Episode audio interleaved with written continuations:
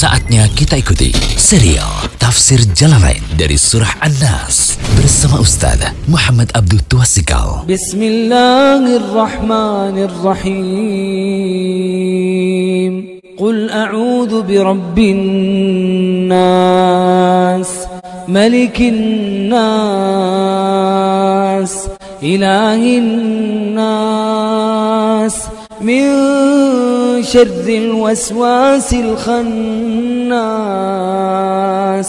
الذي يوسوس في صدور الناس من الجنة والناس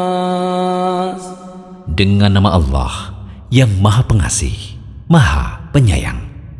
Katakanlah, Aku berlindung kepada Rob yang memelihara dan menguasai manusia, Raja manusia, sembahan manusia, dari kejahatan bisikan setan yang biasa bersembunyi, yang membisikkan kejahatan ke dalam dada manusia, dari golongan jin dan manusia. Alhamdulillah haqqa hamdi ahmadullah wa ashkuruhu. Asyhadu an la ilaha illallah wahdahu la syarikalah abduhu wa rasuluh Allahumma salli ala nabina Muhammad wa ala alihi wa man tabi'ahum bi ihsan ila yaumiddin. Kali ini kita berada di audio ke-24, masih kelanjutan dari tafsir tiga surat favorit. Kita masih dalam pembahasan surat An-Nas, masih lebih konsen pada bagaimana cara menjaga diri dari godaan setan, dari gangguan setan. Kita masuk pada pertemuan kali ini, pembahasan kali ini dengan poin ke-11 sampai nanti ke-17. Bagaimana lagi cara kita menjaga diri dari godaan setan? Yaitu yang ke-11, meludah ke kiri untuk menolak setan dalam sholat. Dari Abu Ala, Utsman bin Abil As, mendatangi Nabi Shallallahu Alaihi Wasallam. Ia berkata, Wahai Rasulullah, Sesungguhnya setan mengganggu solat dan bacaanku. Ia menggodaku. Rasulullah Shallallahu Alaihi Wasallam kemudian bersabda, "Zaka syaitanun yuqalu khinzib, fa iza ahsastahu, fata'awas billahi minhu, watfil ala yasarika." Qal, fafa'altu dhalika fa azhabahu Allahu anni. Itu adalah setan. Ia disebut dengan khinzib. Jika engkau merasa diganggu, mintalah perlindungan kepada Allah dari setan tersebut. Kemudian ludahlah ke sebelah kirimu sebanyak tiga kali. Utsman kemudian melakukan seperti itu, lantas Allah mengusir setan darinya. Dia katakan, Utsman bin Abil As melakukan seperti itu, lantas Allah mengusir setan darinya. Namun catatan di sini perlu diingat yang dimaksud dengan meludah di sini kata para ulama adalah meludah ringan ke kiri. Bentuknya dengan meniupkan udara yang mengandung sedikit air ludah. Sedikit saja ya. Ini dibolehkan dengan syarat tidak mengganggu orang yang berada di sebelah kiri dan tidak mengotori masjid tentunya. Lalu yang ke-12 tidak boleh menoleh dalam sholat. Nah ini perkara juga yang bisa menghilangkan godaan atau gangguan setan. Dari Aisyah radhiyallahu anha, ia bertanya pada Rasulullah sallallahu alaihi wasallam mengenai berpaling atau menoleh dalam sholat. Nabi Shallallahu Alaihi Wasallam lantas menjawab, "Huwa ikhtilasun yaktali syaitanu min solati ahadikum."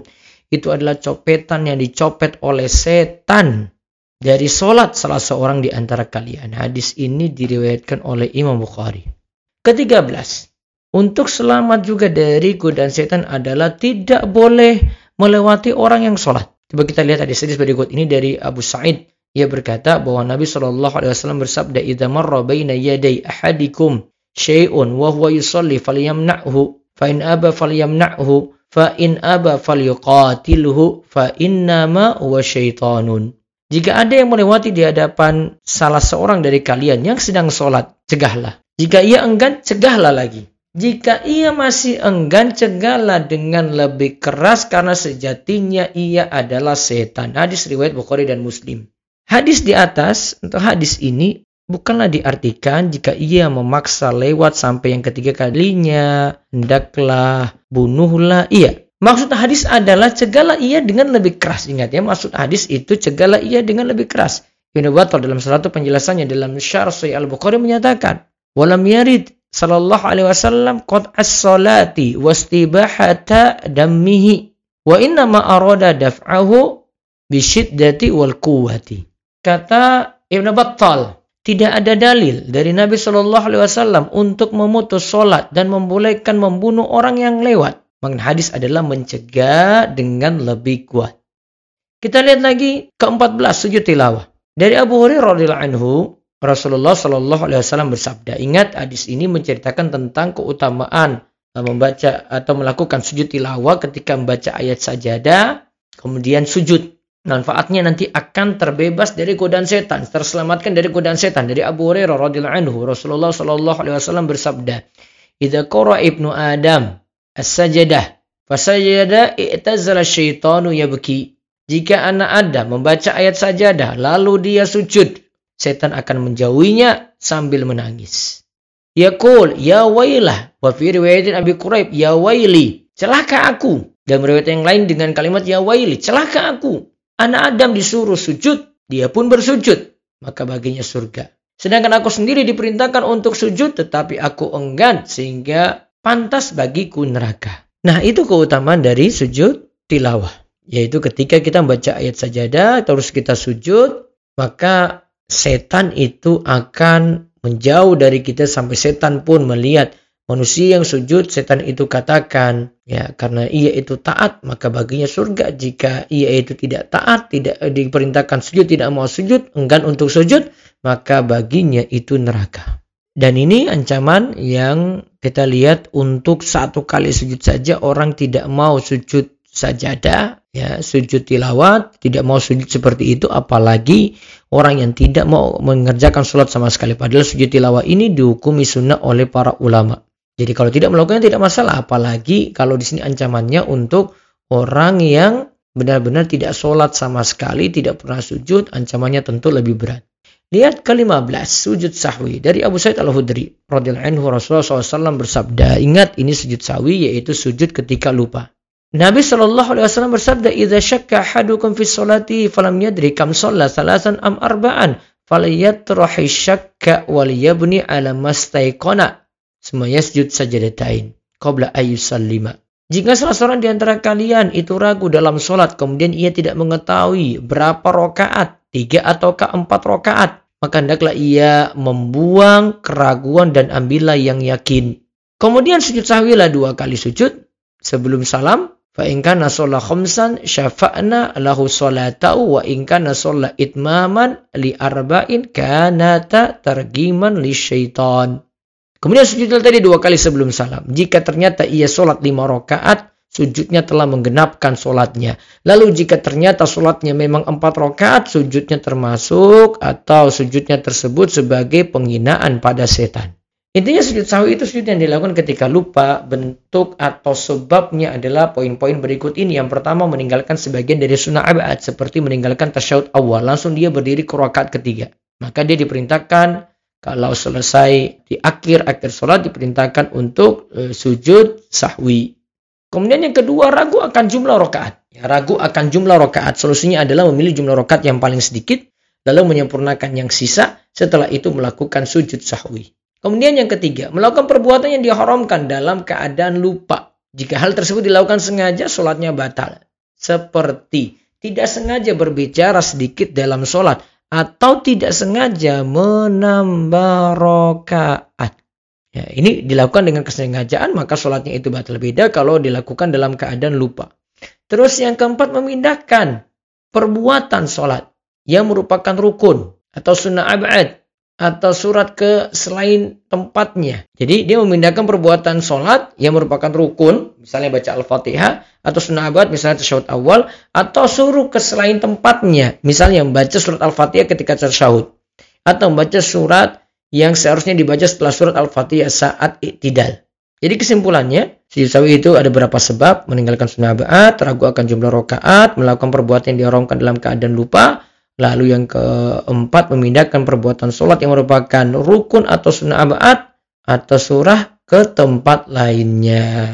Ke-16 tidak sholat ketika matahari terbit dan ketika matahari tenggelam dari Ibnu Umar radhiyallahu anhu. Rasulullah shallallahu alaihi wasallam bersabda. Nanti kita buktikan di sini kalau saat matahari terbit atau tenggelam itu ada dua tanduk setan. La taharra bi salatikum tulu asyamsi ghurubaha Fa innaha tatlu'u biqarnai syaitan. Janganlah mengerjakan sholat kalian ketika matahari terbit dan ketika matahari itu tenggelam. Karena ketika itu terbit dua tanduk setan. Hadis riwayat Bukhari dan Muslim dan lafaznya lafaz hadis ini dari Muslim. Dari Anas bin Malik radhiyallahu anhu Rasulullah sallallahu alaihi wasallam bersabda la tusallu inda tulu'i syamsi wa la inda ghurubiha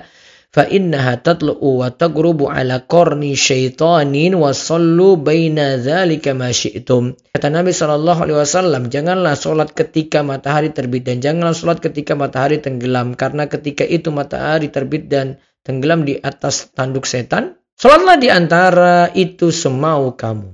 Juga ada riwayat dari Al-Ala bin Abdurrahman bahwasanya ia pernah menemui Anas bin Malik radhiyallahu anhu di Basra ketika beliau selesai dari salat zuhur. Rumah beliau berada di samping masjid. Ketika Al-Ala bertemu dengan Anas, Anas bertanya, apakah kalian sudah sholat asar? Kami baru saja selesai dari sholat zuhur. Ia jawab Al-Ala. Lantas uh, Anas memerintahkan mereka untuk sholat asar. Setelah mereka sholat, Anas berkata bahwa ia pernah mendengar Rasulullah Shallallahu Alaihi Wasallam bersabda, "Tilka sholatul munafik, yajlis yarkubu syamsa, hatta idza kanat baina qarnai syaitan, Qama fanaqarraha arba'an la yazkurullah fiha illa qalila. Ini adalah solat orang munafik kata Nabi Shallallahu Alaihi Wasallam. Ia duduk hingga matahari berada antara dua tanduk syaitan, lalu ia mengerjakan solat asar empat rakaat dengan cepatnya. Ia hanyalah mengingat Allah dalam waktu yang sedikit. Maka hati-hati jika mengerjakan solat saat matahari terbit atau saat matahari tenggelam. Yang boleh adalah di antara waktu antara matahari terbit sampai matahari tenggelam. Nah, boleh melakukan sholat yang bebas di situ. Nah kesimpulannya untuk terhindar dari godaan setan adalah ya jangan sampai melaksanakan sholat di waktu terlarang yaitu ketika matahari terbit dan ketika matahari tenggelam maka akan selamat dari dua tanduk syaitan. Wallahu a'lam bisawab. Jadi kesimpulannya 16 saja yang kita bahas kali ini. Yang ke-17 dan tentang masalah zikir Insya Allah kita akan bahas di pertemuan selanjutnya. Allah yuwaliyutov.